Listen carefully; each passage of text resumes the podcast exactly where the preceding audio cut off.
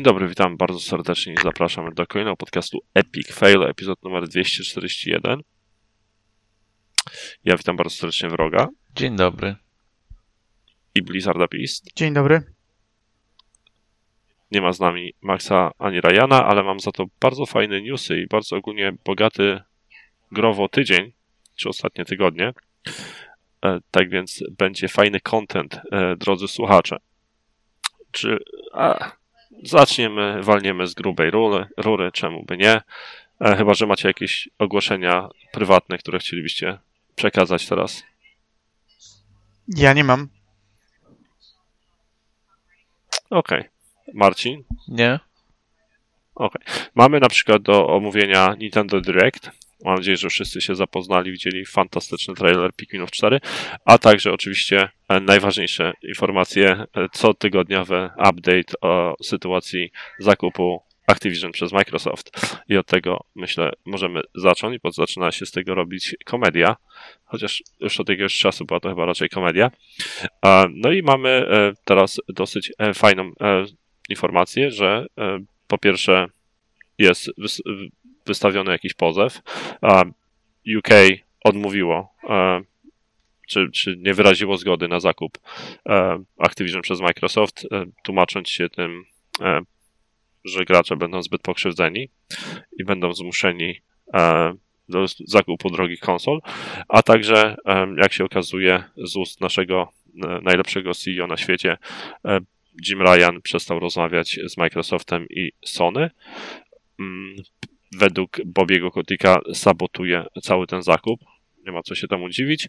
A także e, była taka też e, jakaś e, ciekawa informacja, że Sony uznało, że jest, że Microsoft się nad nim znęca, gdyż wymaga odpowiedzi na e, 55-stronicowy dokument. Czy coś pominąłem, tak high level? Chyba nie. Szczerze to już ja przestaję to tak śledzić, tam jakieś urywki widzę, czy jakieś hasła, ale już nawet mi się nie chce tego za bardzo czytać. Czekam aż to się wreszcie skończy i albo w jedną, albo w drugą stronę. No ale, aha, bo jeszcze, no to ja nie wiem, to może ja byłem jakoś bardziej zainteresowany tym w tym tygodniu, bo e, oni zatrudnili jakąś panią, prawniczkę, która pomagała przy jakiejś sprawie Google i e, pojawiła się informacja, że jeżeli Microsoft wytoczy proces FTC e, w Stanach, to ona wytrze podłogę tym całym FTC, czyli Federal Trade Commission. E, no, ale spytam was w takim razie, żeby może nie przeciągać tej dyskusji, a bo, prze- bo Przepraszam, to ja mam pytanie, ale to, y, to nie FTC ma wytoczyć proces MS-owy? I ja się gubię. nie, wydaje mi się, że no jeżeli FTC nie, nie wyrazi zgody, to Microsoft wytoczy proces. A, w ten sposób. Dobra, bo ja jestem, okej, średnio to generalnie mm, orientuję się. Dobra, rozumiem. FTC tylko wyrazi swoją opinię. Jeżeli ta opinia będzie sprzeczna z tym, co Microsoft chce uczynić, no to i, i to ogólnie. Ja nie widzę tam sensu w tym, czemu ten zakup po prostu nie może dojść do skutku. Ale widocznie są tam jakieś prawne ws- ws- wskazówki na to, ale, ale em, Microsoft będzie walczył o swoje. No to chodzi o, o dosyć spore pieniążki. 3 miliardy dolarów tutaj w tym wypadku, jeżeli by ta cała umowa czy plan zakupu miał paść. No, dużo więcej, sporo. bo to przecież nie kupują tylko ze strachu przed tym, jaką umowę do tej pory podpisali, tylko też jeśli kupują po to, żeby znaleźć się w tym dom, miejscu docelowym i na przykład akwizycja wszystkich użytkowników Kinga wchodzi w, mm, wiesz, w sam zakres celów, no to zrobienie tego innymi metodami to nie jest sprawa łatwa. Masz rację. To tylko tygodniowy puszczek. Czy, czy uważacie, że jest bliżej do tego, czy jesteśmy dalej? Czyli macie teraz swój barometr na tym, że jednak ta sprawa jebnie, czy przejdzie? Czy za wcześnie, żeby mówić? Ja myślę, że w ogóle nie ma y, żadnych y, danych do tego, żeby mówić, czy pójdzie w jedną, czy w drugą stronę. Cały czas mm, ja, moja opinia się jakby nie zmienia. No, ja uważam, że nikt się nie powinien do tego sadzić, bo nie ma żadnych po temu według mnie podstaw z punktu widzenia ochrony konsumentów e, i dlaczego każda kolejna instytucja idzie na noże z, mm, z Microsoftem w tej sprawie, nie wiem. No, nie, nie bardzo to rozumiem, mm, ponieważ jak dla mnie moje podejście jest racjonalne, a podejście wszystkich innych jest przeciwne, w związku z czym jest nieracjonalne, no to nie będę nieracjonalnych rzeczy wiesz, w, w tym momencie dawał e, werdyktów, czy e, one pójdą w jedną czy w drugą stronę, bo już racjonalność odjechała. E, nie wiem, co się dzieje i, i nie rozumiem całej, całej sytuacji. Wróg. No wiesz, ciężko podchodzić jakoś racjonalnie do tematu, kiedy czytasz, że ta, ta brytyjska agencja uważa, że połączenie się i wpłynie na, jak to tam było, że e, Wzmocni Microsoft w... Wzmocni pozycję Microsoftu w chmurze, więc ograniczy dostęp, czy tam zmu... Zmusi do kupowania konsol. Zmusi do kupowania konsol, tak. No, no tak, tak no, jest to oczywiście wierutna bzdura i teraz mm, przecież jeśli ludzie się spotkają w sądzie, to tego typu bzdur nie będzie można bezkarnie mm, mówić, bo tam są jacyś eksperci, którzy będą musieli e, przyjrzeć się mm, argumentom za i przeciw. Jeśli ktoś będzie wygadywał jawne dyrdy małe mm, na poziomie tego, co właśnie przytoczyliśmy, to przecież z takiego argumentu nic przed sądem nie zostanie, więc nie bardzo rozumiem, po co go w ogóle robić, chyba że Chyba, że czas. Instytucje, instytucje same w sobie są po prostu tak głupie, że nie rozumieją, co robią. Nie wydaje mi się to całkiem niemożliwe, ale wydaje mi się to dziwne. Albo Sony tak dobrze lobbuje. No tam była jakaś informacja też, że Jim Ryan spotkał się kimś y, z Komisji Europejskiej czy w Holandii. Więc tam smarowanie pewno jest. Nie dziwię się, tak naprawdę działaniom Sony, ale jeżeli ktoś ma jakąkolwiek wiedzę na temat tego, jak Sony funkcjonuje, no to zdecydowanie śmiech na sali i, i naprawdę można by z tego dobry dokument dla Netflixa nakręcić. Właśnie dałem Netflixowi zajebisty pomóc. No, podaj jeszcze PayPala, żeby słuchający nas dyrektorzy Netflixa wiedzieli, gdzie przelać twoje tantiemy. To po, po, to po programie na, na Twitterze im napiszę, póki jeszcze Twitter działa. A wracając do twojego pierwotnego pytania, wydaje mi się, że no, dalej to się nic nie zmienia i że ta transakcja ostatecznie przejdzie z jakimiś ograniczeniami, czy tam z kolejnymi i że Microsoft znowu coś tam wymyśli, jakoś się ugiąć będzie chciał, no ale no ostatecznie zrobi to, co chce. Zobaczymy. Jeszcze parę miesięcy czekania i tego przerzucania się jakimiś dziwnymi argumentami nas czeka niestety.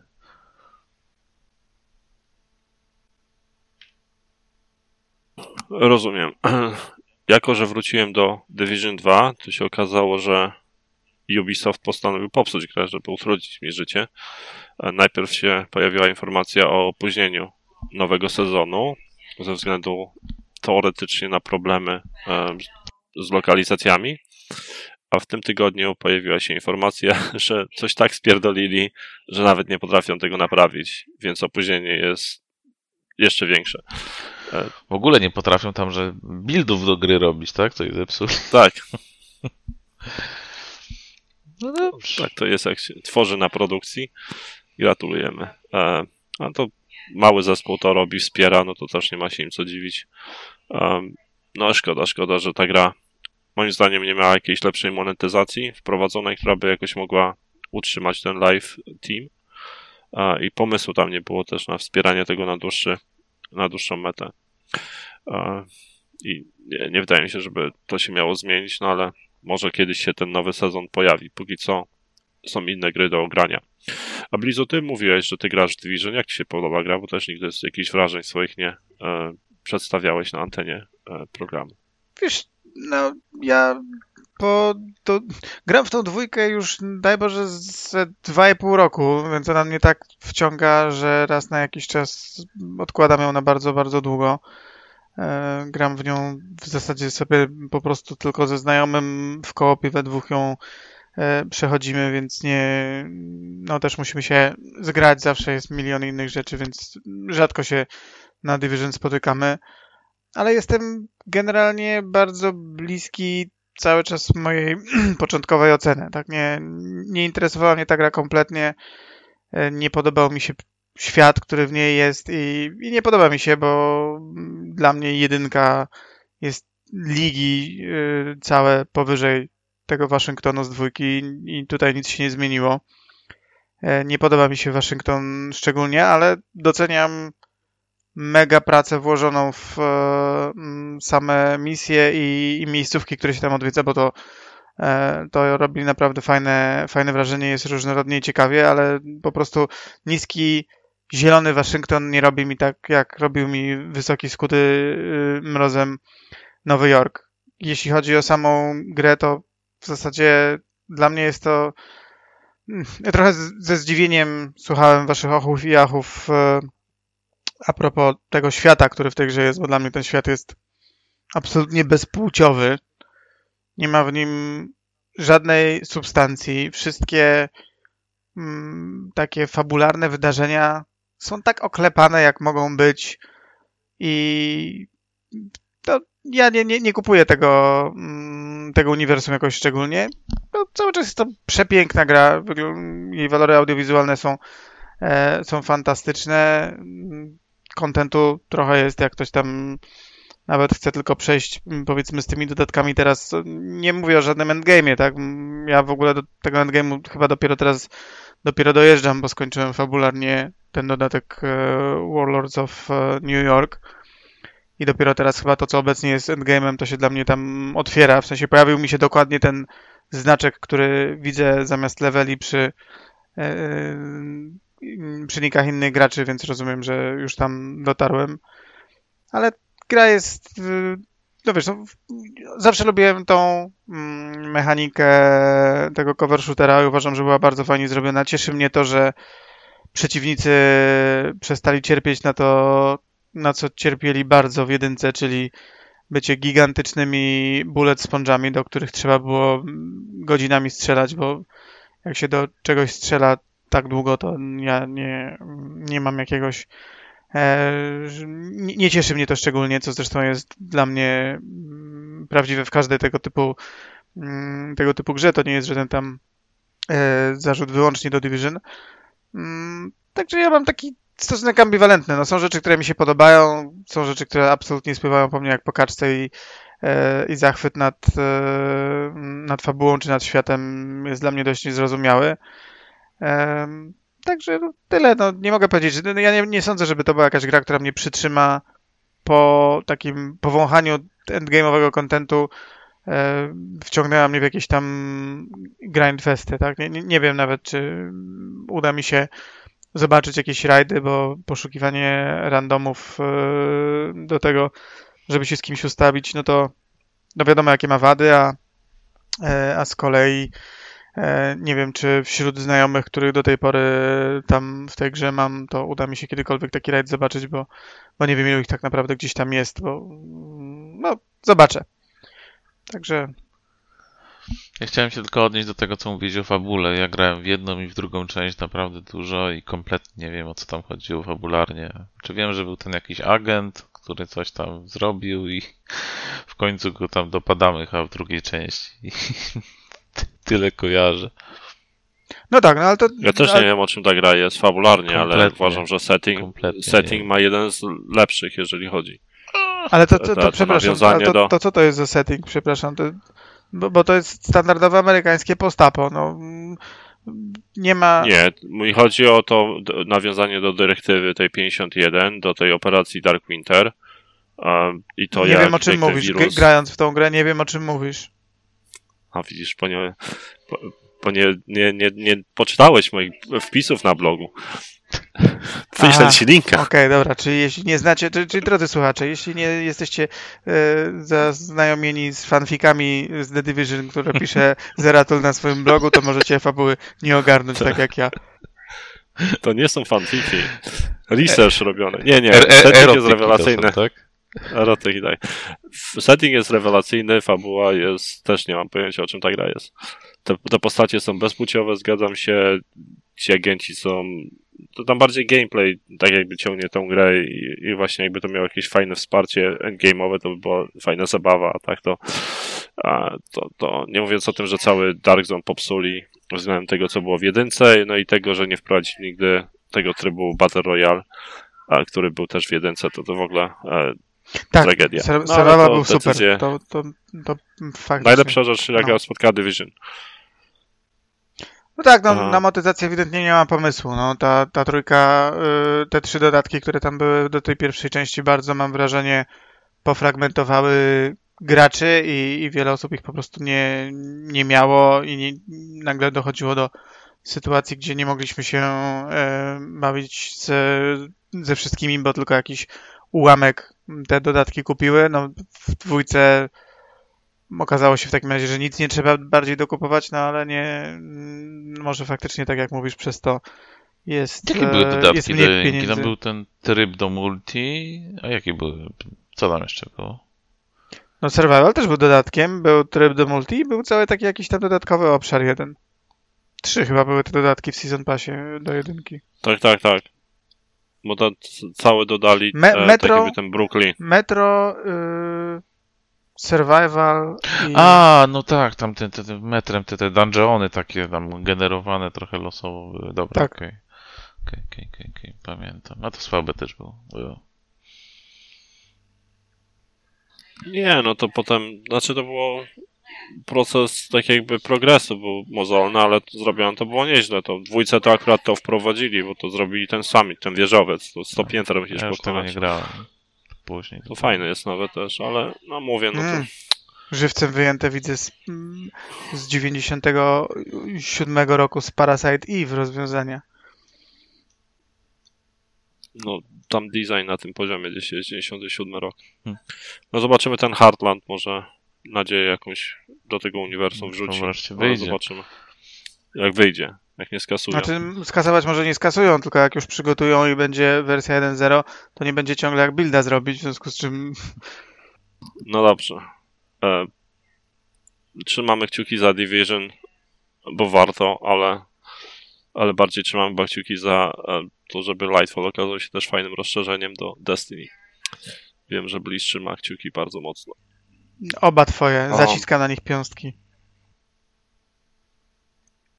I za to Ci dziękujemy. Podtomowa nienawiści, ja nie wiem. To jest mowa miłości. Ja wam nie wierzę. Hejterzy. Marcin, to opowiedz nam, jak Ci się podoba najnowsza limitka do Destiny 2 Lightfall, bo Jest ja swojej nie odpakowałem, a Jest tragiczna. nie podoba Ci się Nie, za nie. porównanie do Witch Queena? Najgorsza ze wszystkich, jakie były. No może do dwójki, gdzie tą torbę dali na początku, to też było słabe. No ale... No, no bieda, no, e, tą rybkę śmieszną, no to, no, nie ma do czym gadać. No. Nie wart tych pieniędzy było, no ale kupiłem. No to, to już że mi się nie podobało, to kiedy to pokazali, no ale to już z przyzwyczajenia człowiek chce mieć wszystkie no, w kolekcji. Jesteś, no. jesteś idealnym wrogu klientem. Naprawdę nic Tak. ci się nie podoba, i tak kupujesz limitki. To jest po No prostu. Elegancko. To jest, ale ja wiesz, ja to jest jedyna jakaś limitka kolekcjonerka, którą kupuję, no to Destiny. To ja nawet tego nie wiedziałem. To w takim razie każdy taki duży dodatek, to jakieś tam Forsakeny, Beyond Light i tak dalej, każda z tych rzeczy ma osobną fizyczną, limitowaną edycję kolekcjonerską? Nie, nie, nie, nie, nie, nie. Ty Od Shadowkeepa, Shadowkeep, Beyond Light, e, Witch Queen, no i teraz Lightfall. Te, te, te późniejsze Forsaken nie miał. Mhm. No i to oczywiście no to, to jest sama jakby kolekcjonerka bez gry, no bo gra jest darmowa, a dodatek to jest dodatek do niej i tyle. no. Tak. Znaczy możesz kupić kolekcjonerkę z dodatkiem. No ale no to, dostaniesz. To jest to samo co ty kupiłeś, czy ja, no bez kodu, to jest to... Ja kupiłem bez kodu, ja kupiłem bez kodu, bo a gry nie mam. Tak, znaczy dodatku nie mam. Jeszcze nie wiem, No, czy ale tak kupię. kupujesz z kodu, to już wiesz, no pudełko jest to samo, nie może tam z logiem Xboxa Tak. czy z logiem PlayStation, jest to samo, tylko po prostu na maila ci kod na dodatek przysyłają. Cze- Czekajcie, Ty chyba teraz się tak pogubiłem. kupować. Kupujecie fizyczną rzecz, której nie ma ani gry, ani dodatku? Mhm. Tak. No oczywiste, bo ta się wam nie podoba, w związku z czym po co mielibyście ją mieć, a mimo... Niesamowite. No to nie, nie, Słuchaj, nie ja, ja słyszałeś nawet w grę nie gram, ja nawet w grę nie gram, To kupiłem. raczej takie dosyć, znaczy no może jeszcze nie jest standardem, ale często już się zdarzają jakieś tam kolekcjonerskie wydania gier. Normalnie gier, nie, nie mówię tu o rozszerzeniu jak do Destiny, gdzie dostajesz po prostu jakieś kolekcjonerskie przedmioty, a grę możesz sobie kupić osobno w pudełku albo osobno w cyfrze. No, dla mnie, wiem, że ludzie się z tego śmiali i to mocno było krytykowane, ale dla mnie to jest bardzo dobre rozwiązanie, no bo na przykład chcę gr- grę mieć w cyfrze, no to kupuję sobie taką jakąś zawartość kolekcjonerską, jakby mi zależało, a grę sobie kupię cyfrowo. No. Tak, no pytanie tylko, czy ta kolekcjonerska edycja jest tańsza od ceny tej gry w stosunku do tego, jakby była, bo No to, to wiesz, no. To różnie z tym bywa, wiadomo, no ale no, po co, tak samo było, pamiętam, no, afera była z tym, z Halo 5? Chyba tam, bo tam było, że właśnie dawali kod, ale później była afera i zrobili taką akcję, że mogłeś się zgłosić do supportu do Microsoftu i ci przysyłali pudełkowe wydanie, a kod był anulowany. Pamiętam, że takie coś można było zrobić, bo też właśnie ludzie na to narzekali, że kolekcjonerka jest bez gry. Tam z grom, ale cyfrową, no, zamiast z pudełkiem. No, co kto lubi. No ale tak, Bungie wypuszcza przy okazji tych, tych większych rozszerzeń do gry takie kolekcjonerskie jakieś zestawy typu z Ghostem było poprzednio, teraz jest taką jakąś nazwę ma ta rybka swoją, ale nie chcę jej przekręcić. Nie wiem, puka, coś takiego. i co ta rybka robi? Coś Świeci- fajnego? Tak jak Świecą jej się oczka. I stoi sobie na podstawce. I wygląda ohydnie. No to znakomity zakup, słuchaj. Muszę ci powiedzieć, że ciężkie, ciężko się nie rzucić do sklepu po tym wszystkim, co mówisz tutaj. Ale spytaj, No, wiesz, spytaj no, się, ile pewne- kosztuje. Są pewnie ludzie, którym się to podoba. No. Mnie, mnie akurat się nie podoba, no ale kupiłem, Ale kupiłem. Bo, bo chciałem. Znaczy to wiesz, to nie kupiłem tylko dla tej rybki, tylko tam masz i emblemat do gry i masz takie książeczki kolekcjonerskie, jakieś tam, wiesz, pierdółki są w pudełku. No ale no wiadomo, że główną częścią tej kolekcjonerskiej jest ta, ta śmieszna rybka ze skrzydłami. No, ale rybka jednak nie robi takiego wrażenia, jak nie wiem, jakiś No, zdalnie sterowany samochodzik podoba, no. z, z- Call of Duty, czy coś Albo noktowizor. Albo noktowizor. Hmm. No dobrze, to w takim razie, jak już Zeratul wywołał temat do tablicy, to ile to kosztuje? No nie wiem, ile to kosztowało, Martin? A z 220 dolarów? Zaraz ci powiem. Przepraszam. 220 dolarów za rybkę, która ci się nie podoba. No, przepraszam, To, książeczki. to nie było tanie. To nie było tanie. No i trzeba jeszcze doliczyć do tego. Nie, przepraszam, przepraszam. 180 dolarów za wersję bez gry. No i jeszcze dolicz 100 dolarów za dodatek z rocznym pasem, no bo no to, to wiesz, no, nie każdy jest Martinem, co tylko kupuje kolekcjonerkę, ale dodatku już nie.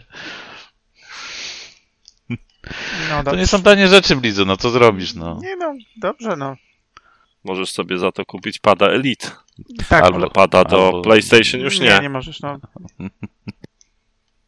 Dlatego relatywne postrzeganie tego do, tej edycji kolekcjonerskiej poprzez e, użytkowników e, konsoli PlayStation 5, którzy kupili sobie DualSense Edge jest na pewno, myślą sobie, prawie darmo, biorę. No i w ten sposób wspierają też i Bungie, który jest um, firmą Sony. Więc podwójne wspieranie.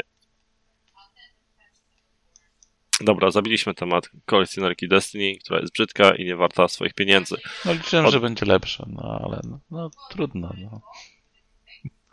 Może za rok. Poprzednie były lepsze, to na pewno. Tam może nie jest jakaś tragiczna, no ale no, jej główna część i ta figurka, no, tak średnio. No. Zobaczymy może jak się zagra w dodatek i wreszcie te rybki jakoś się tam pojawią, bo do tej pory to to było jako ciekawostka, no coś będzie, jakoś człowiek inaczej na to będzie patrzył.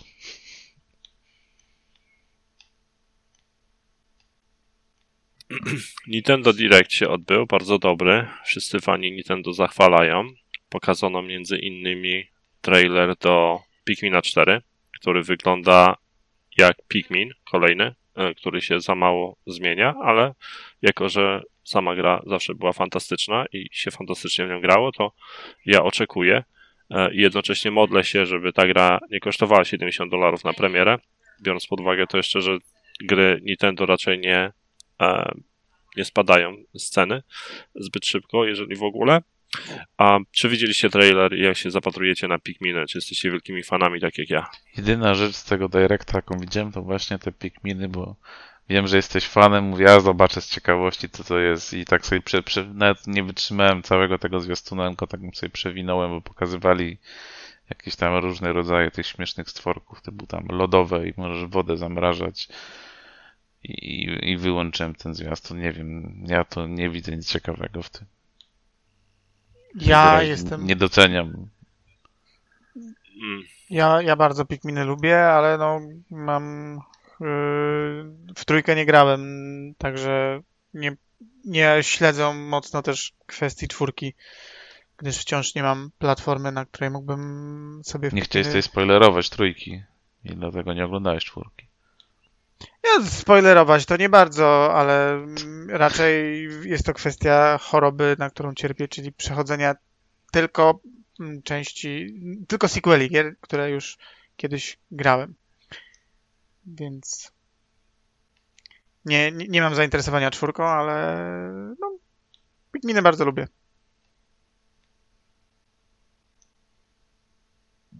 No dobrze, kolejną rzeczą, którą pokazali, czyli wiemy już w grze nie widział, a to trailer e, nowej Zeldy, która też prezentuje się fantastycznie. A to widziałem, bo jakimś śmiesznym dronem ten chłopak latał. Bar, bardzo, bardzo dziwnie to wyglądało. Czy zapłaciłbyś 70 dolarów za tą grę? Na Nie premierę. grałem w poprzednią część, więc nawet ciężko mi oceniać, czy to było dobre. No wiem, że wszyscy to chwalili i się podniecali tym, tym, tym, tym tą Zeldą poprzednią. No, jeden z najlepszych otwartych światów, jakie kiedykolwiek było. No widziałem, ludzie też to- narzekali na to, że nudne to było strasznie, no ale to widać, nie, nie każdemu musiało oczywiście pasować. No, no to wygląda na więcej tego samego, tak? Tylko, że teraz więcej na jakimś tam lataniu się będzie skupiało. No i mówię, na zwiastunie widziałem ten, ten dron taki dziwny i ten, ten Link, tak? Nie Zelda, tylko Link leciał na tym dronie i to takie, no... Nie pasowało mi do tego, ale no, okej. Ostatnio miałem taką teorię, głupią, ale miałem, że zarówno Samus z Metroida, jak i Link, e, nie Link, tylko Zelda z Zeldy, to są idealni kandydaci do tego, żeby Nintendo mogło dołączyć do tej e, całej kultury woke, bo wszyscy ogólnie, znaczy nie wszyscy, obiegowo jest przekonanie e, takie, że e, zarówno Samus, jak i Zelda to są faceci i oni mogli po prostu zrobić z nich transgenderów i wtedy przedstawić ich jako kobiety w świecie, w odpowiednich uniwersach i wtedy wszystkie walk byliby e, zadowoleni i zachwyceni. Nie ma tylko Ryana, który by teraz na mnie naskoczył, ale chciałem to przedstawić taką teorię. Nie bardzo widzę cel. Nintendo, z tego co rozumiem, to się chyba w takie tematy nie miesza. No to... Na szczęście, nie, na szczęście nie. A, ale te 70 dolarów, y, jeżeli myślicie o grze na Switchu, to kuje was, czy, czy nie macie tych platform, więc macie wywalone? Bo powiem szczerze, że mnie Ale trochę dlaczego cię ukuło. ukuło? Czy to, to, to drugie tak, ale to pierwsze, no znaczy wszyscy podnosili ceny, bo podnosili ceny jak przy okazji nowej generacji, tak? Nintendo zostało w starej generacji, a i tak podniosło cenę, więc okej, no. No tak, ale, ale przepraszam. E, no, to, dokładnie to z tego jest powodu. Kompletna głupota Nie, nie. mm, Z, z samego założenia. No, y, siedzą ludzie, y, robią grę, mają tą grę, umówmy się, mm, większość z tych gier, które wyszły i, i są na konsolach nowej generacji, są to tytuły, które również są na konsolach starej generacji. E, A oprócz tego, że są na konsolach starej generacji, to są też na PC-tach, na których bardzo często mm, te next-genowe mm, wersje są, są wzorowane. Więc w jaki sposób uzasadnione jest, i wyobraźmy sobie jakąś grę, która naprawdę nie jest żadnym groundbreaking tytułem, tak? E, nie wiem, przoduje w tym chyba mój mocno znienawidzony wydawca Nacon, który po prostu nigdy nie potrafi wykorzystać, znaczy nie potrafi, no nie to, że nie potrafi, tylko nie chce na przykład korzystać na e, Xboxie z mm, funkcji Smart Delivery, tylko każdą grę ma e, w jednej wersji, w drugiej wersji i one się praktycznie niczym takie tytuły nie różnią, bo nie chodzi mi może o jakieś faktycznie mm, gry, w których można by wykazać, że coś musiało się zmienić, żeby ten tytuł wyszedł na nowej generacji, tak? Nie wiem, zastosowany jest jakiś nowy silnik, no, nowe elementy fizyki w grze, tak? Coś więcej tam zostało wrzucone, ale takie tytuły, które są, podejrzewam, że trzeba by było spojrzeć tylko na rozdzielczość, bo to jest jedyna rzecz, która, którą te gry się różnią, to ja absolutnie nie widzę powodu, dla którego średnio zaawansowana technicznie gra na poprzednią generację, jak na przykład, no nie wiem, właśnie ten e, Wolverine, czy jakieś tytuły typu e, Warhammer 40k, mm, Inquisitor, Martyr, no to, to są gry, które po prostu nic się w nich nie zmienia, nic nie uzasadnia tego, że ta gra powinna kosztować 10 dolarów więcej, bo one niczego więcej sobą nie, nie niosą. No oczywiście, że tak W jest. takim- No przecież że nie twierdzę inaczej, no bo to jest co, masz większą rozdziałkę, czy tam jakieś dodatkowe tryby wyświetlania w tych grach, ale tak naprawdę to jest ta sama gra. No ale tak to wydawcy tłumaczą, że to jest ten podatek jakby ne- next genowy i to są te wersje z reguły droższe. To, Tak to funkcjonuje. nie- No, masz, masz na przykład, nie wiem, FIFA wersję Xbox One i FIFA wersję Xbox Series X i, i ta druga jest droższa o te 10 dolarów. Tutaj nie wiem, tu, tu nie wiem jak jest, bo tak jak mówię, może faktycznie te gry się No. różnią. Pamiętam to, że kiedy wychodziły pierwsze FIFA na y, obecną, no, na, na ósmą generację konsol, czyli na e, PlayStation 4 i Xbox One, był taki moment, kiedy one przez pewien czas wychodziły również na przykład z tymi tytułami y, na poprzednią generację, czyli PS3, wtedy poprzednią, czyli PS3 i, i Xboxa 360 i mm, w pewnym momencie zaczęły się różnić engine'ami. Te gry, które wychodziły na poprzednią generację, nie miały y, już w pewnym No momencie to żadnych możliwe, feature'ów, no tak pierwszy z brzegu przykład jaki mi do głowy przyszedł, może tutaj też faktycznie jakieś tam różnice ale- w silniku są, No możemy ale, wziąć na pewno ale jakiś, nie brakuje tak, tych gier, gdzie masz, identycznych. masz ten, no, ten, Identycznych praktycznie, no pewnie.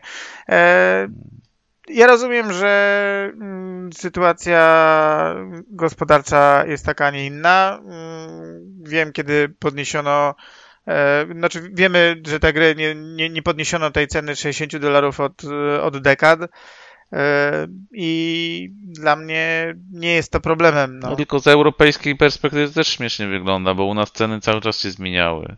W Polsce ja pamiętam gry na Xboxa 360 kosztowały, nie wiem, 179 zł, pamiętam Microsoft miał taką cenę, potem nie wiem, 200 coś były, a teraz nowość na, na konsolę kosztuje od 290 do 300 paru złotych. No to tutaj przynajmniej na- w Polsce to cały czas to się zmieniało. To nie jest tak, że te ceny stały w miejscu.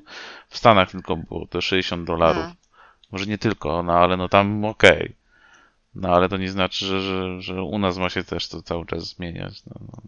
Tak, no u nas ceny są od sasa do lasa. No jak tam czasami wchodzę do sklepu i przeglądam, to się łapię za głowę, jakie są różnice i y, nie potrafię sobie często wyjaśnić. Znaczy, po, no poza oczywiście chciwością firmy, tak? E, jakichś takich e, powodów, dla których te tytuły powinny być w tych cenach mm, sprzedawane, ale dla mnie jest jasne, że gry mogą, powinny być droższe, bo, bo wszystko drożeje i gry nie są tutaj żadnym wyjątkiem, a dobrze wiemy, że oprócz tego e, są też droższe w produkcji. No, nie, nie oszukujmy się, no.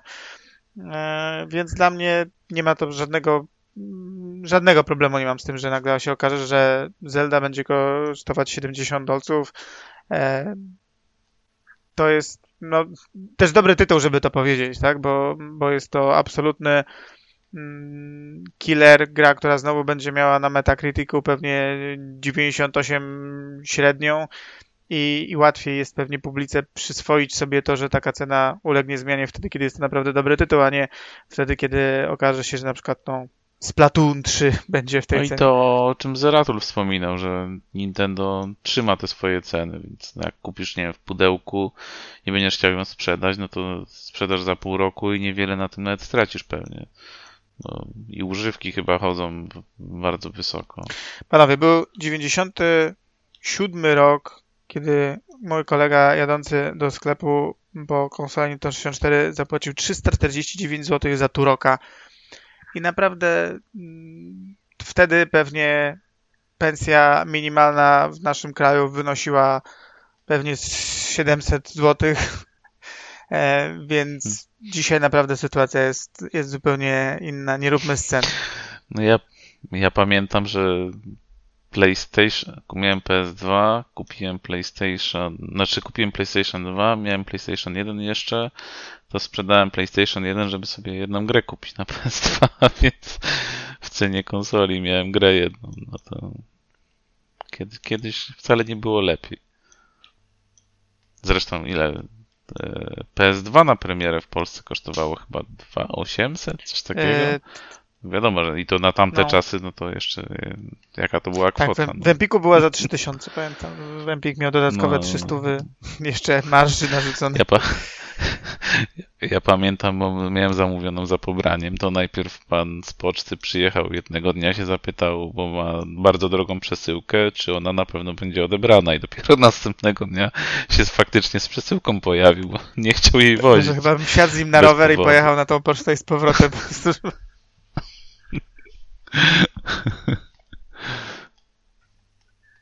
To takie jeździłem za moim nowym Xboxem. Jako, że nie dostarczyli go do 10 rano, to jechałem na pocztę, na której był przetrzymywany, gdzie się dowiedziałem, że nie, muszę czekać, aż dostanie dostarczony. I tak czekałem dwie godziny, jak już wszyscy mieli konsole w domach. Myślałem, że mnie krew e, i szlak trafi. Ale e, nie, ja chciałem się wytłumaczyć, bo wizualnie, czy opt, nie wizualnie, optycznie patrząc na, na tą sytuację, jak dowiedziałem się, że się 70 dolarów ta nowa Zelda ma kosztować, jest to gra na Switcha, czyli konsolę tak naprawdę poprzedniej generacji, to mnie to ukuło. Ale potem zacząłem to analizować, że tak naprawdę pensje ludzi, którzy pracują nad tą, e, nad tą grą, wzrosły od, od, e, od, od 2005 roku, gdzie po raz pierwszy podniesiono właśnie e, ceny tych konsol i nie ma tak naprawdę znaczenia, czy, czy pracują oni nad, nad grą na, na Switcha, na Xboxa, na PlayStation, czy, czy na e, iPhone'a. I w związku z tym koszty produkcji zostały też zwiększone. Może tam są jakieś oszczędności, jeżeli chodzi o technologię, ale, ale i tak największym kosztem chyba jest czynnik ludzki.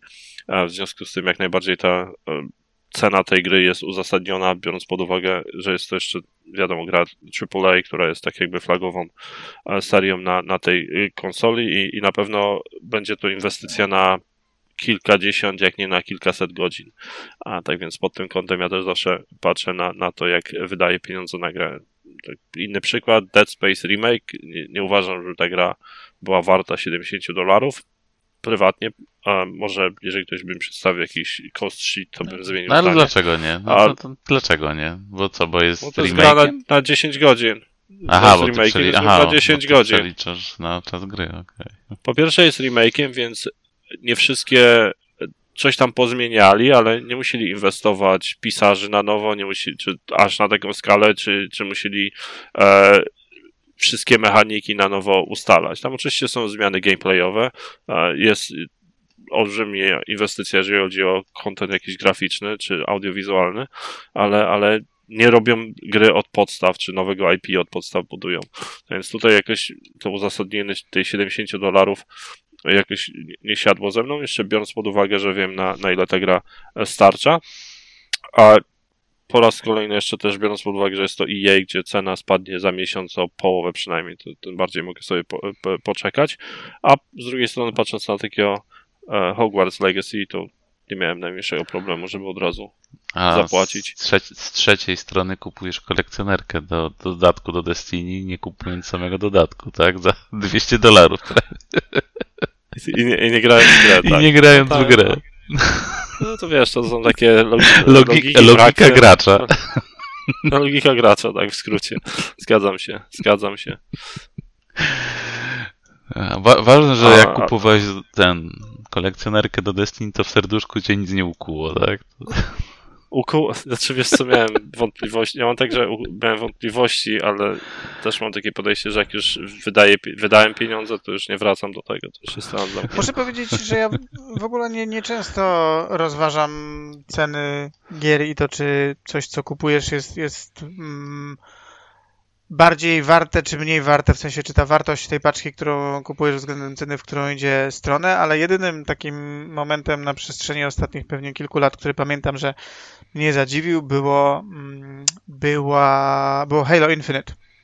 I oczywiście mnie prywatnie jako subskrybenta Game Passa kompletnie to nie dotknęło w żaden sposób, ale fakt, że nagle mm, tytuł, który stoi, no jakby nie patrzeć, mm, głównie jednak kontentem multiplayerowym, to znaczy, żeby nie było. No, w każde Halo e, kampanię skończyłem pewnie po kilka razy, ale no, nie oszukujmy się, gro tego, jak się czas z tą grą spędza, to jest jednak mm, jakiś multiplayer i nagle się okazuje, że e, a wtedy przypominam, to była jeszcze gra, która nie miała koopa, nie miała Forge'a, i nagle się okazuje, że możesz sobie całkiem za darmo pobrać cały ten komponent multiplayerowy, jaki by nie był, tak, ale no, to, co normalnie miałeś na płycie mm, w pełnej paczce, nagle tutaj jest osobno za darmo, a ta kampania bez, bez koopa, bez różnych takich rzeczy, do których ludzie są przyzwyczajeni, jest wyceniona na 60 dolarów. I wtedy to, to się zastanowiłem się, tak? Gdyby to nie była gra rozbita, wiadomo, mm, jakie zyski dzięki temu e, można uzyskać, że tytuł będzie free-to-playowy, ale gdyby nie była rozbita, to bym w ogóle nie, nie rozważał, czy to jest sprawiedliwa cena. Natomiast ten, pamiętam, że to roz, rozróżnienie bardzo mnie e, zdziwiło, no i uznałem, że trzeba być naprawdę ciekawym mocno Halo, żeby singlowe Halo za 60 dolarów kupić. No to ja pamiętam w drugą stronę, jaka była dyskusja, jak pierwszy Titanfall wychodził, który był przecież tylko multi i też był za pełną cenę. Też pamiętam, ludzie na to narzekali i była cała jakaś taka dyskusja w internecie o tym, że sama gra z samym multi 60 dolców może kosztować. No ale to przepraszam, to nie, ja już w tym momencie nie, nie pamiętam, ale co, nie, nie kosztowały pełnej ceny takie tytuły wcześniej? Przecież to nie był jedyny multiplayerowy tytuł jakiś czy Quake'a 3 ktoś oceniał negatywnie pod względem jego ceny, albo no nie wiem, jak już wywołałem tego Turo... No wiesz, mówimy o czasach, gdzie jednak te FPS-y, jak Call of Duty czy inne, nawet, nawet Battlefieldy miały i kampanię, i multi. No to już nie mają. A tu I, wypuszczałem no, no i co? No, no trochę się zmieniło od tamtej pory, no ale to ile lat temu już było? Mówimy o 2014 roku chyba, tak? Tak, 2014.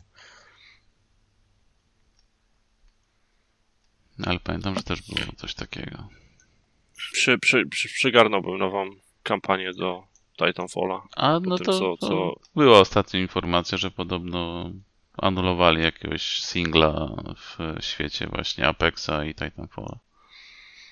A, to super, zajebiście, że anulowali. Bo, bo dwójka po prostu, pomimo tego, że się może nie sprzedała, to miała singla jednego z najlepszych w przeciągu ostatnich iluś tam lat bardzo mi się kojarzył. Z, stawiam go nawet na poziomie singla do Half-Life'a 2. Tak mocny. No, A, misja z tym podróżowaniem w czasie, no, to pamiętam do tej pory. A tam każda misja no, praktycznie no, każda była, była nawet miała ta, swoje ta, momenty. Tak? Jak się skakało po, po tych kontenerach, które się mieszkania budowało w tym, albo e, przeskakiwanie ze statku do statku. Tam, tam było bardzo dużo fajnych momentów. I, i cała ta budowanie tego związku z tym robotem, mm. czy tytanem. Bardzo, bardzo pozytywnie wspominam. E, dobrze, z innych e, Nintendowych e, wiadomości, bo omówiliśmy całe dwa, pojawiła się cała masa informacji o dodatkach do Splatoona 3, Mario Kartów 8, pojawiła się data premiery Advance Wars 1, 2, Bootcamp, jakieś wsparcie do Game Boya, Game Boy Advance um, i chyba Aha, coś tam jeszcze do Xenoblade Chronicles 3, scrolluję teraz, i Fire Emblema. No i Metroid tak jeszcze więc... chyba, tak? Wraca. No i chciałem, chciałem to iść, bo to z takich mniejszych tam mm. zapowiedzi, no i oczywiście e, Nintendo nie chciało, albo było, pozazdrościło Microsoftowi Hi-Fi uh, Rusha, i też miało niespodziankę ukrytą, która miała premierę w tym samym dniu. Tylko, że Nintendo nie ma Game Passa. I tutaj y, przewaga Xboxa jest jednogłośna, ale tak czy inaczej wydało bardzo e, ładnego remake'a e, Metroida Prime. E, Tak więc e, 170 zł, z tego co widziałem dziś, ludzie narzekali na cenę. 170 zł za Metroida i ktoś narzeka na cenę. No może remake niby. No. Ale jakiej gry? No nie jest to Matko, no przez przecież to 70 jest jeden dolarów. z najlepszych tytułów ever, mm, który wizualnie, ja jestem w ogóle zachwycony tym, jak ta gra wygląda, jak oddaje klimat, jak e, mm, podejrzewam, że ciągle jest to fantastyczny e, fantastyczny tytuł. No ja w Metroida pewnie ostatni raz przechodziłem ze 3 lata temu, ale dla mnie jest to jedna z najlepszych gier, jakie kiedykolwiek powstały. A ja nigdy nie grałem. Ale grałeś w tą grę Shadow, coś tam od, od tego studia, od Epica. To, Też nie to grałem. samo. Ale grałem w inne grę? Metroidvanie. Przepraszam, co to, co to jest Może Shadow, być. coś tam od studia Depika, bo ja... Ojej, od... Jakąś Czer? Nie, Czer? Ale Czer, co my czer, porównujemy? czer. No, Nie, nie oni możemy robili to- porównywać y, nawet y, tego... mm, No Martin skojarzył Metroida z Metroidvanią. A, no dobrze. Dodał jedno z No drugim. dobra, no tak, no Halo czy tam Halo Wars to jeden pies, no rozumiem. Sha- Shadow, Shadow, no, Shadow Complex. Complex ma mniej więcej O. tyle wspólnego z Metroid Prime, co Halo z Halo Wars, no.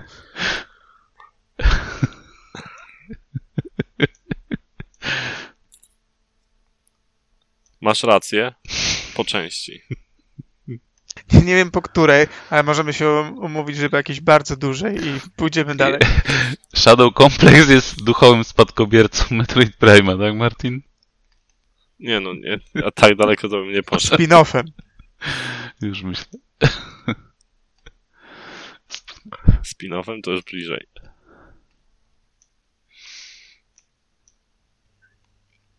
Okej, Przejdźmy um, dalej.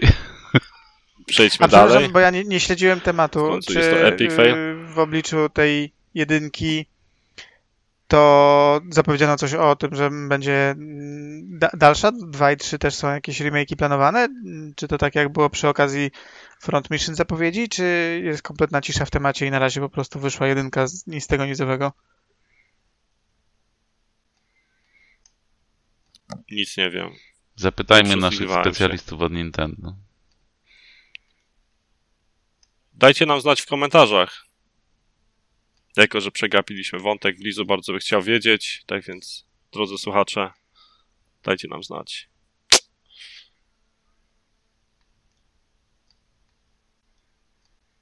Okej, em, no dobrze. Z takich większych newsów to na pewno wszystko, ale pojawiło się parę jeszcze mniejszych, e, które być może Was również zainteresują, jeżeli chcecie je omówić w jakiś sposób. E, Mamy informację odnośnie tego, że Ken Levin ciężko pracuje nad nową grą. e, Tak ciężko, że ten duchowy spadkobierca Bioshocka pojawi się dopiero w marcu 2025 roku, czyli Do marca 25 roku. a do. Tak, czyli gdzieś 2026, znając e, historię. E, ja czekam po ten trailer, który pokazali chyba na The Game Awards albo gdziekolwiek indziej. Bardzo się ciekawie prezentował. Więc, a, poza tym bardzo szanuję pracę e, Kena Levine i, bardzo mnie zasmuciło, że Bioshock Infinite nie sprzedał się e, zbyt dobrze. Em, bo jednak, jednak gra była bardzo fajna. Jakieś komentarze do tego? No, zwiastun wyglądał fajnie, ale to już o tym mówiliśmy. No, no. Tyle lat nad tym pracują, a w sumie od chyba zakończenia Bioshocka on to studio wtedy założył, chociaż może niekoniecznie nad tym wtedy pracował, ale... Ja wątpię, żeby on nad Wątpię, żeby on nad tym wtedy pracował, bo z tego co pamiętam, to Lewin odszedł od tematów bioshockowych, mając e, jakąś ochotę zająć się mniejszymi i łatwiejszymi w produkcji grami, więc albo mu się bardzo nie udało, albo to nie jest e, pierwszy projekt i, i jednak zmienił po drodze.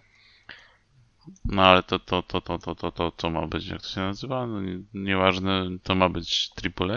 Nie wiem, czy to, to No, w sumie za dużo Za tej dużo grze nie- nie wiemy, no, ale- Chyba jeszcze, no. Nie wyglądało trochę na AAA z trailera, tak jak się No, na prezentowało. Ta jego poprzednia, bo on, jak odszedł, to on miał robić coś mniejszego No, on i tak oni mówił, zrobili że- jakąś go, go, gównogierkę, która Zrobili się nie sprzedała i chyba, Nie. Tak. Tak? no nie, zaraz ci powiem. No, nie widzę niczego takiego. Wydaje mi się, że nic nie... Ja też sobie nie przypominam, żeby on coś wypuścił. A mi się wydawało, że on założył jakieś studyjko, które zrobiło jakąś główną gierkę. Nie no, to studio to jest to samo cały czas chyba. Znaczy to, to studio, no tam jakiś mały zespół był teraz, to chyba jest studio. No, no.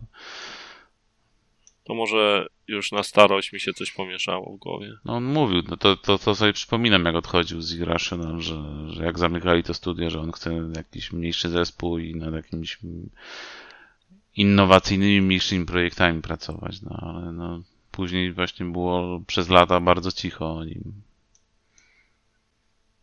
No, przynajmniej nie skończył tak jak David Jaffe, który jest teraz e, Albo Piotruś. Czy Twitch. A Piotruś chyba przynajmniej pieniążki zarobił jakieś dobre na tej Klik, swojej karierze w Microsoftie. klika i I klik, na tym, klikaczu, czy i co na tam było. Cu- Curiosity.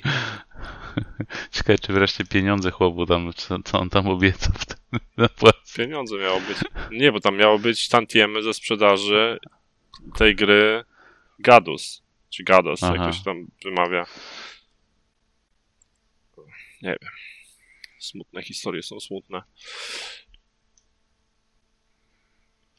Okej. e, Następny taki dosyć fajny mini news jest e, odnośnie Dragon Age Dreadwolf. Wyciekła informacja z wczesnej alfy, która pokazuje, że gra troszeczkę odchodzi od bycia RPG, raczej na miano bycia następcą czy duchowym spadkobiercą God of War'a e, i bardziej e, prezentuje się jak hack and slash, e, który ma real-time combat. Bardzo dużo zachwytów było nad Inquisition. Gra chyba nawet wygrała grę roku e, w The Game Awards. Ja osobiście się mocno zawiodłem. E, The Inquisition. Bardziej mi się dwójka cały czas podobała jako najlepsza część e, serii. Em, Marcin, wiem, że ty grałeś. Jak Ale ja grałem tylko w Inquisition, nie grałem w poprzedniej części, więc nie miałem porównania nawet. Pamiętam, że przyjemnie się grało, tylko że to, to była taka gra na, na grindzie oparta, tak? No, chodziłeś, odkrywałeś tą mapę jakieś tam... Fabularnie to nawet Na nie, nie wiem, o co tam co- chodziło. Nie przypominam sobie. No. Było Ja okej. sumie. Było, okej, jako właśnie taka gra, że sobie łaziłem po mapie, odkrywałem kolejne jakieś tam były z, miejsca z walką, znajdźki, te, te portale jakieś, co tam było. No, no, no okej, no, przyjemnie się grało jako odskocznia, pamiętam. Coś innego dla mnie przynajmniej. Ale no, jakoś na, na, na kolejną część nie, nie, nie czekam z wywieszonym językiem. Również. A ty, Adamie? A ja grałem tylko w pierwszą część, więc e, mam przed sobą i drugą, i Inquisition, i w zasadzie To tak za no, 10 myślę, lat. że z powodzeniem. E, więc ja jestem trochę zniesmaczony tym naciskiem na... Znaczy, jak ktoś mi no, mimo wszystko RPGową serię widzę, że ma influencje z combat i takimi rzeczami jak God of War, to obawiam się, że się powoli nie zrozumiemy, no ale zobaczymy. No i to też chyba będzie duży...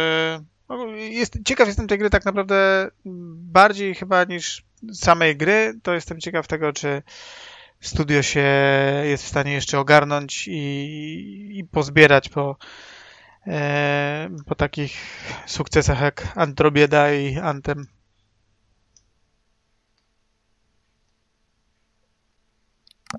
No, Androbieda praktycznie była kalką Inquisition, jeżeli chodzi o strukturę świata czy questów. Tak więc zobaczymy, co tam Mass Effect 4 zaprezentuje, o którym też cisza. Niestety.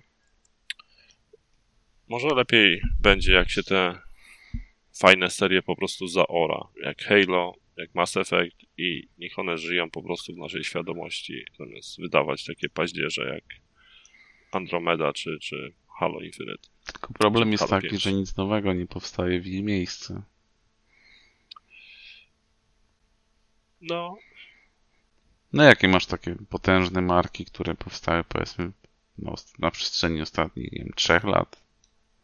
No wiesz, trzech lat to nie, no ale tak naprawdę powstał Fortnite jako potężna marka, która zrewolucjonizowała. Martin, nie No, wiem, czy, pamiętam, jak on absolutnie czy zaczął. usłyszałeś pytanie, ale I co, co w miejsce Halo i Mass Effecta, a ja się chyba przesłyszałem, bo usłyszałem Fortnite. To, Nie no, jeżeli chodzi o Halo, to bym postawił tego No, ale Fortnite'a pamię- jako grę, która jest Ale- ale... competitive. no dobrze, że nie Okej, jest, no dobrze, ale że nie też- jest 5 lat temu. Jaka jest historia tej gry? Nie wiem, czy pamiętasz, że ona też powstawała nie tam z 9 lat czy ileś i zaczęła od tego, że była tam ty, tym ratowaniem świata i walką z, potworkami, ustawianiem pułapek, budowaniem Zgadzam bazy, a skończyła na Battle Royale i kopiowaniu przede wszystkim pomysłów z innych gier. No, no. Może w takiej formie jest teraz po prostu branża gier wideo. A no to, to, to jest już inna kwestia.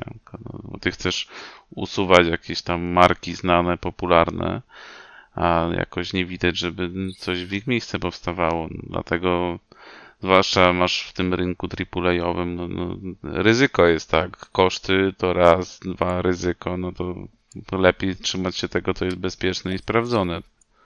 Zobaczymy, kiedy wyjdzie ta gra. Póki co wiemy, że to wczesna alfa, tak więc jeszcze pewno. Aha, jeszcze pojawia się informacja, że raczej się nie ukaże w 2023 roku, tak więc no to. Krzyż na drogę. Ile to już lat powstaje? To też przecież od cholery. No. Znaczy wiesz, ja to zawsze odejmuję dwa lata ze względu na pandemię, tak więc jak to zaczęli w 2019, no to dopiero robią to dwa lata. Co to jest za dziwny... Podczas pandemii nie można siedzieć i rysować konceptów niby w domu? No to już też nie przesadzajmy, szczególnie, że mówimy o grze, która jest w jakiejś, w jakichś była wówczas absolutnych powijakach. Dupie. No. Nie wiem, ale tam ten proces twórczy, kreatywny chyba w dupie był podczas pandemii i to też powodowało opóźnienie. Jak rysujesz sobie rysunki, ale nie masz jakiejś wizji, no to te rysunki to możesz potem do kosza wrzucić, ćwiczysz rękę bardziej. Nie chcę się wypowiadać, tu potrzebny był jakiś Max, który by powiedział, jak się podczas pandemii pracowało nad grami. Może da się. Patrząc jednak po wynikach, jakie. Znaczy nie no, da się, bo Hi-Fi Rush wyszedł, świetna gra. E, Witch Queen wyszedł, świetny dodatek do Destiny, który mógłby być tak naprawdę w jakiejś formie samodzielną, standalone grą. Więc stało się. Niektóre studia potrafiły to ogarnąć. Umówmy się, że tamte studio, tamto studio nie potrafiło tego ogarnąć również przed pandemią w 100%, więc No, swoją drogą tam BioWare ma problemy od, od, odkąd założyciele odeszli. Tak naprawdę od czasów Mass Effecta 3 powiedziałbym. No nie no, ktoś by się zaczął kłócić, że jednak ta Inkwizycja była dobrym tytułem. Ale też miało swoje problemy, bo tam oni na, narzekali bardzo mocno na, na ten silnik i adopcję tego e, silnika od DICE.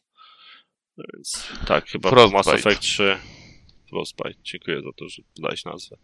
Okej, no chyba wszystkie newsy takie ważniejsze żeśmy omówili, nawet te mniej ważne też. Jakby nie było, jesteśmy bardzo e, agile i, i super w ogóle chłopaki. tak więc przejdźmy do tematu gier. W co tam ostatnio grałeś w Lizu? nie, grałem w za wiele rzeczy z Ratulu, więc wy- wystosuj pytanie do, albo do wroga, jeśli wróg ma o czym opowiedzieć, bo ja nie mam tematów na, na, na ten. Ja będę miał tematy na później, ale jeszcze chcę tam dokończyć jedną grę zanim. Za miesiąc, jak Blizu ponownie nas odwiedzi, To, ale to powiedz, to powiedz, to powiedz nam, zrób taki preview, powiedz o czym, ale nie będę cię gnębił. Ale co bym powiedz o czym? Czy to niespodzianka? No, o czym planujesz nam powiedzieć przy następnej wizycie? Golden nie tam Age. Golden. Nie, przechodzę te wszystkie mm, dziwne filmowe gry sama Barlowa i, i kończę Immortality. O! Ostatnie mi zostało i, e, i zacząłem w, e, grać w Need for Speed Payback i już mam raka, ale jeszcze za mało grałem, żeby mieć przerzuty, więc chcę poczekać, aż pogram trochę dalej, ale jest źle.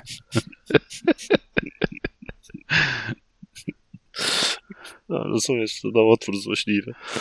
A, Marcin, ty, ty się bawiłeś na pewno w zabawy różdżką.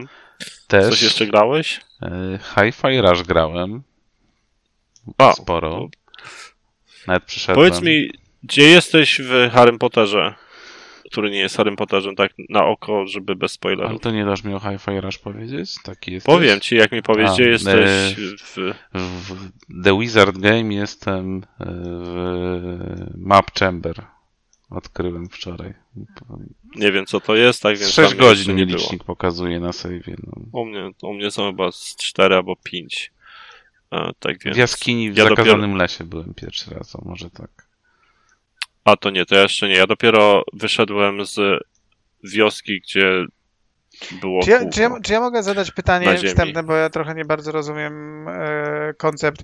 Czy wy jesteście miłośnikami Harry'ego Pottera, czy interesuje was gra jako gra? Ja lubię uniwersum Harry'ego Pottera. Byłem fanem książek, um, które czytałem będąc nastolatkiem, starszym nastolatkiem. Um, I skończyłem chyba już nie będąc nastolatkiem, jak ta ostatnia wyszła, ale zawsze mi się podobało to uniwersum i, i uważałem, że książki i, i setting ogólnie jest bardzo fajnie zrobiony, pomimo tego, że są tam wiem, jakieś dziury, a to, to przyjemnie się film oglądało, czy książki głównie, głównie książki czytało. No, w gry za bardzo nie grałem nigdy, bo wydawało mi się, że one są dedykowane do jeszcze młodszej widowni. I były słabe Ale- Ale... zasady. Nie wiem, bo nie grałem, ale, ale jeżeli chodzi o, o grę, to zainteresowało mnie po pierwsze to, że prezentowała się fantastycznie na, na zapowiedziach, a po drugie, no, wiedziałem, że właśnie uniwersum jest fajne. Ja mam podobnie, no to jednak Harry Potter i całe to uniwersum to jakoś tam z moim dzieciństwem jest związane, bo to akurat w takim wieku byłem. Cztery książki mi się wydaje pierwsze przeczytałem, no wiadomo, filmy też widziałem. I sama gra bardzo dobrze się prezentowała, więc no jak okazało się, że recenzje są bardzo dobre, no to się skusiłem. A czemu pytasz? Nie, Jezu? bo to taka jakaś IP takie, którego nie mam w, w głowie i, i rzadko ludzie jakoś się tym IP też przy mnie ekscytują, jak jesteś z jakimiś nerdami w No okolicy. No prygiel nie, no ale jak jesteś z no. jakimiś nerdami w okolicy, to nie, nie upłynie pewnie godzina, dopóki nie wyjadą właśnie jakieś y, Star Warsy, Warhammery i różne tego typu rzeczy, a A no to widzisz, to u mnie właśnie znowu jest trochę odwrotnie, bo ja Star Warsów jakoś obejrzałem wszystkie Star Warsy, znaczy te, te stare i no te stare głównie, oryginalną trylogię to obejrzałem może nie wiem, z 10 lat temu. Mhm. Jakoś no, no gdzieś tak pewnie, tak faktycznie obejrzałem, bo tam kojarzyłem oczywiście, ale także usiadłem i obejrzałem wszystko po kolei od początku do końca, to właśnie mówię, tak z bo- 10 lat temu może było. Tam Mhm, jakieś tak, nie, ten, pamiętam w kinie, w kinie ze szkoły byłem na tym pierwszym nowym, Jezu, jak to się Phantom nazywało? Menace. Phantom Menace, o, no, no, to, no, no, to pamiętam ze szkoły na wycieczce do kina. Nie, bo ja, bo ja z kolei w, ogóle ale nie, się... ale ja jakoś Star Warsy to nigdy moja bajka Ja w ogóle się jakoś tam nie, y, nie interesowałem tym Hogwarts. Harry Potter bardziej niż Star Warsy w moim przypadku, to Mhm. na pewno. No- Pamiętam w przypadku Harry'ego Pottera to po czwartą książkę pamiętam z bratem, żeśmy jeszcze o północy do, do księgarni na premierę, rodzice nas puścili samych i po, po, poszliśmy. Pamiętam to dobrze, bo e, kojarzę, że te katolickie oszołomy różne tam stały, stały pod księgarnią w, jako w proteście i rozdawali temu ulotki, że czary, magia, szatan i w ogóle. Hmm, dobre czasy. Jakoś mi to zapadło w pamięci. bardzo, bardzo Znaczy, ciekawe doświadczenie. nie- Nie zapomnijmy, że kupując grę, um, też jesteś przeciwko cancel i walk culture, tak więc to był do, dodatkowy bodziec do, do zakupu tej gry. No, tutaj ja, ja nie chcę mi się tego tematu poruszać, bo to też jest. A ja lubię prowokować. No, E, tak więc jak najbardziej mnie to e, zachęciło do, do, do wydania tych pieniążków.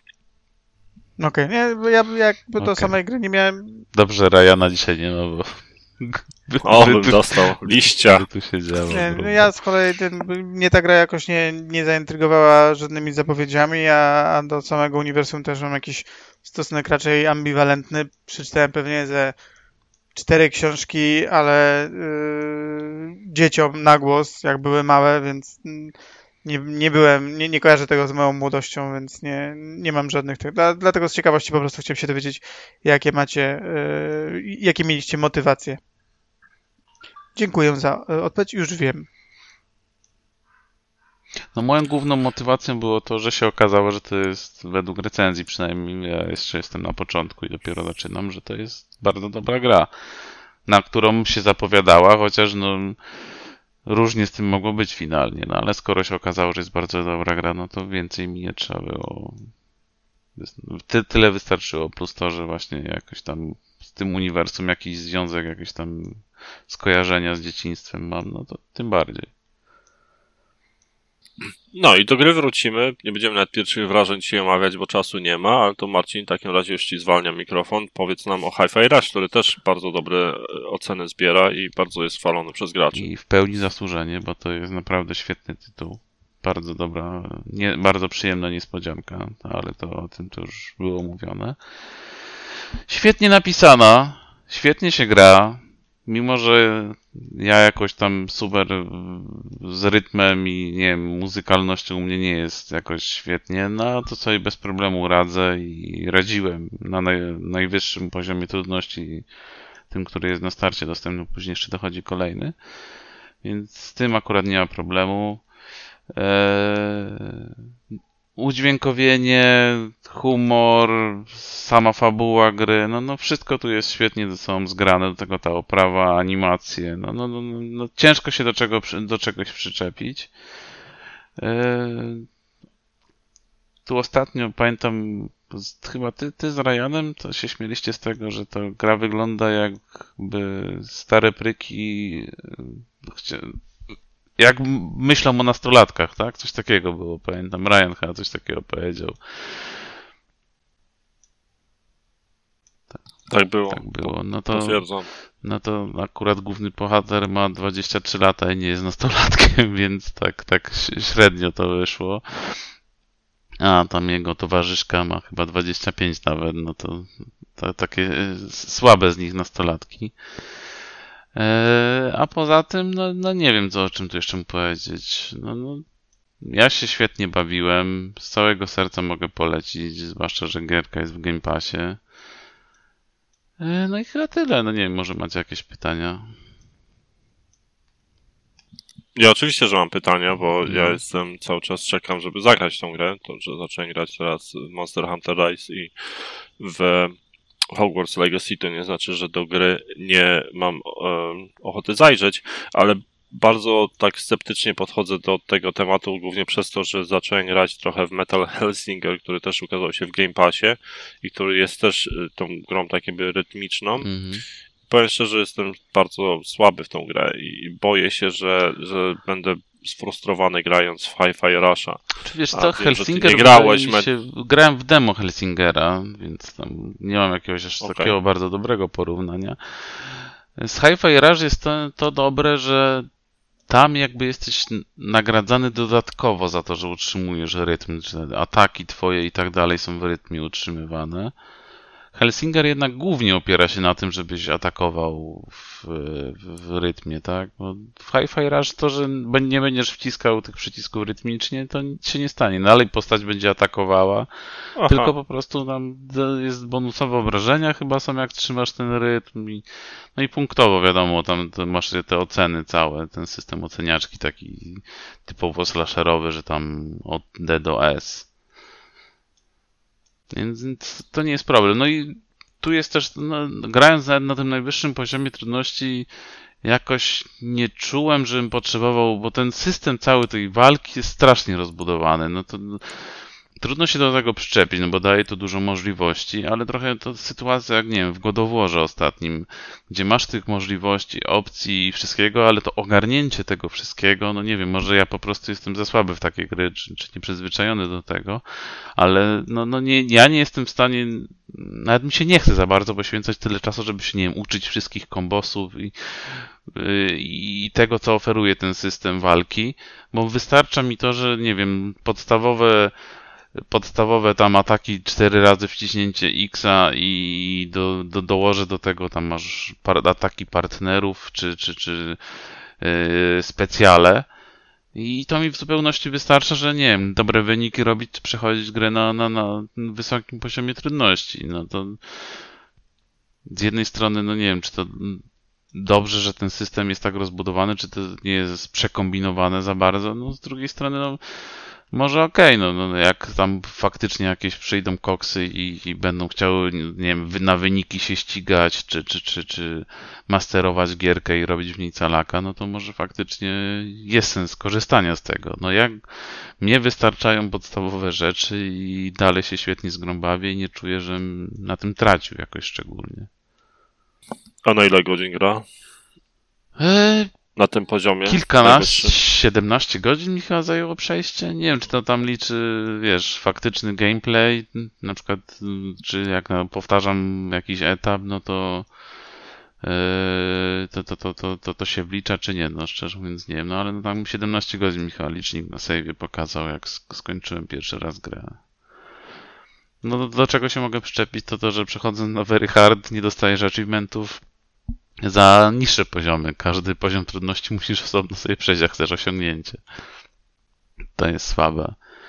No i gra po... Znaczy, pierwszy, pierwsza misja to jest taki jeden długi samouczek, no co jest w jakimś sensie zrozumiałe, no bo tam, jak mówię, tych systemów jest sporo i to w sumie jeszcze po drodze dochodzą kolejne, więc pod tym względem gra jest rozbudowana i cały czas coś tam dorzuca więcej. Yy, w środku troszkę zaczyna tam przynurzać, bo tam, zwłaszcza, że chodzenie po takich podobnych do siebie miejscówkach jest słabe, ale znowu zaraz po tym znowu nabiera tempa i jeszcze się rozkręca dodatkowo, gdzie w finale jakoś tak kulminacja też jest bardzo fajna i do tego masz dodatkowe, jak chcesz się bawić, tam po samym skończeniu gry jeszcze trochę zadań i rzeczy do robienia jest, więc no, no spokojnie można z grą spędzić kilka, kilkadziesiąt godzin, ponad 20, jak chcesz faktycznie wszystko zrobić. A cal calaka już biłeś, czy jeszcze Nie, nawet musisz... nie będę próbował, bo do calaka no. trzeba zrobić na każdym poziomie. Tak mi się wydaje, że to tak było, że na każdym poziomie trudności musisz eski wyciągnąć na, na etapach, a to jest jakby no, no, przejście gry na, mówię, po przejściu na tym najwyższym poziomie trudności w Hard jest na jeszcze się potem odblokowuje wersja dodatkowa, tam Rhythmic Master, tak się nazywa, gdzie dodatkowo jak ci choćby na chwilę e, na etapach z walką e, spadnie e, ocena na D, na najniższą, na, moment jak ci spadnie, no to automatycznie jakby giniesz i od checkpointa musisz zaczynać. Więc dla mnie już samo przejście tam momentami jest wyzwaniem, a co dopiero robić jakieś eski, czy wyciągać same oceny, gdzie powtórka z automatu jakby ci obniży ocenę. I to zacząłeś na tym najwyższym poziomie trudności od razu grać? Nie, nie, no ten, znaczy no zacząłem na Very Hardzie, bo to był najwyższy możliwy, no a teraz jeszcze sobie tam w połowie gry gdzieś jestem na tym jeszcze wyższym, gdzie nie może ci ocena spaść poniżej, poniżej C. Czyli bez calaka muszę się pogodzić z tym, że będzie to gra, którą nie będę masterował, no to okej. Okay. No jak się czujesz na siłach, no to Marcin, baw się. Jaśnie. Nie, co ty za dużo mam zaległości do, do calakowania gier, przecież muszę do Rice'a wrócić, jeszcze chcę do Iceborne'a wrócić, tych gier tego się gromadzi do tych, które muszę potem nadrabiać. Ja mam tą tendencję do tego, że zaczynam grę, gram, gram, potem zostawiam, zaczynam grać w inną i potem muszę wracać i, i dopiero calakować. I potem jakoś to, tego Helsingera chyba sobie odpuściłem, żeby calaka zrobić, chociaż tam calak chyba taki wcale trudny nie jest, ale doszedłem do wniosku, że nie chce mi się chyba robić tam calaka. Ale jest parę innych gier, które zacząłem i które, do których będę chciał wrócić, żeby je e, dokończyć pod kątem 100%. No mówię, no tu pod tym względem tam trzymania rytmu, no, no to jest dość łatwo się w to wkręcić, gdzie no mówię, podstawowymi atakami plus tam jakieś parę doda dodatków dokłada, że jesteś sobie spokojnie radzić e, w stanie radzić z każdym etapem i nawet na wysokie oceny to robić. To pod tym względem nie ma żadnego problemu.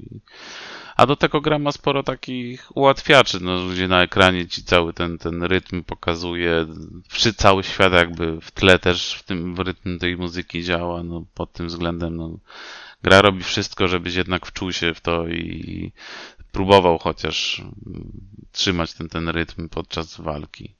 No rozumiem, ale polecasz, polecasz, gorąco polecasz. Polecam, um, polecam. Zwłaszcza, no, no, że, że raz, że ten system walki jest bardzo w porządku, do tego gra wygląda świetnie, jest, jest ciekawie zaprojektowana, napisana, no, no, no trudno się do czegokolwiek tak naprawdę przyczepić i spokojnie te kilkanaście godzin świet, na świetnej zabawie można spędzić. Rozumiem. Dobrze, to może jeszcze poruszymy ten temat, jak, jak się inni gracze, znaczy gracze, jak podcastowicze zapoznają z tym tytułem.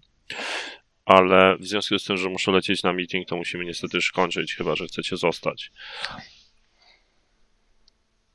Kończymy. Nie, nie, nie słyszę nic, tak więc e, dziękuję bardzo serdecznie, Dziękuję. panie Adamie. I czekamy z niecierpliwością na to, jak nam opowiesz o, o tych wszystkich grach, które grasz. A także Tobie, Marcinie, dziękujemy. Będziemy rozmawiać na, najprawdopodobniej w następnym podcaście o Hogwarts Legacy, tak więc czekajcie, drodzy słuchacze. Dziękuję i do usłyszenia. To był 241 epizod podcastu Epic Fail. Pamiętajcie, żeby nas zasubskrybować na YouTubie i skomentować e, odcinek odpowiednio, dając łapkę w górę. Do usłyszenia. Maybe you should play that may Fail.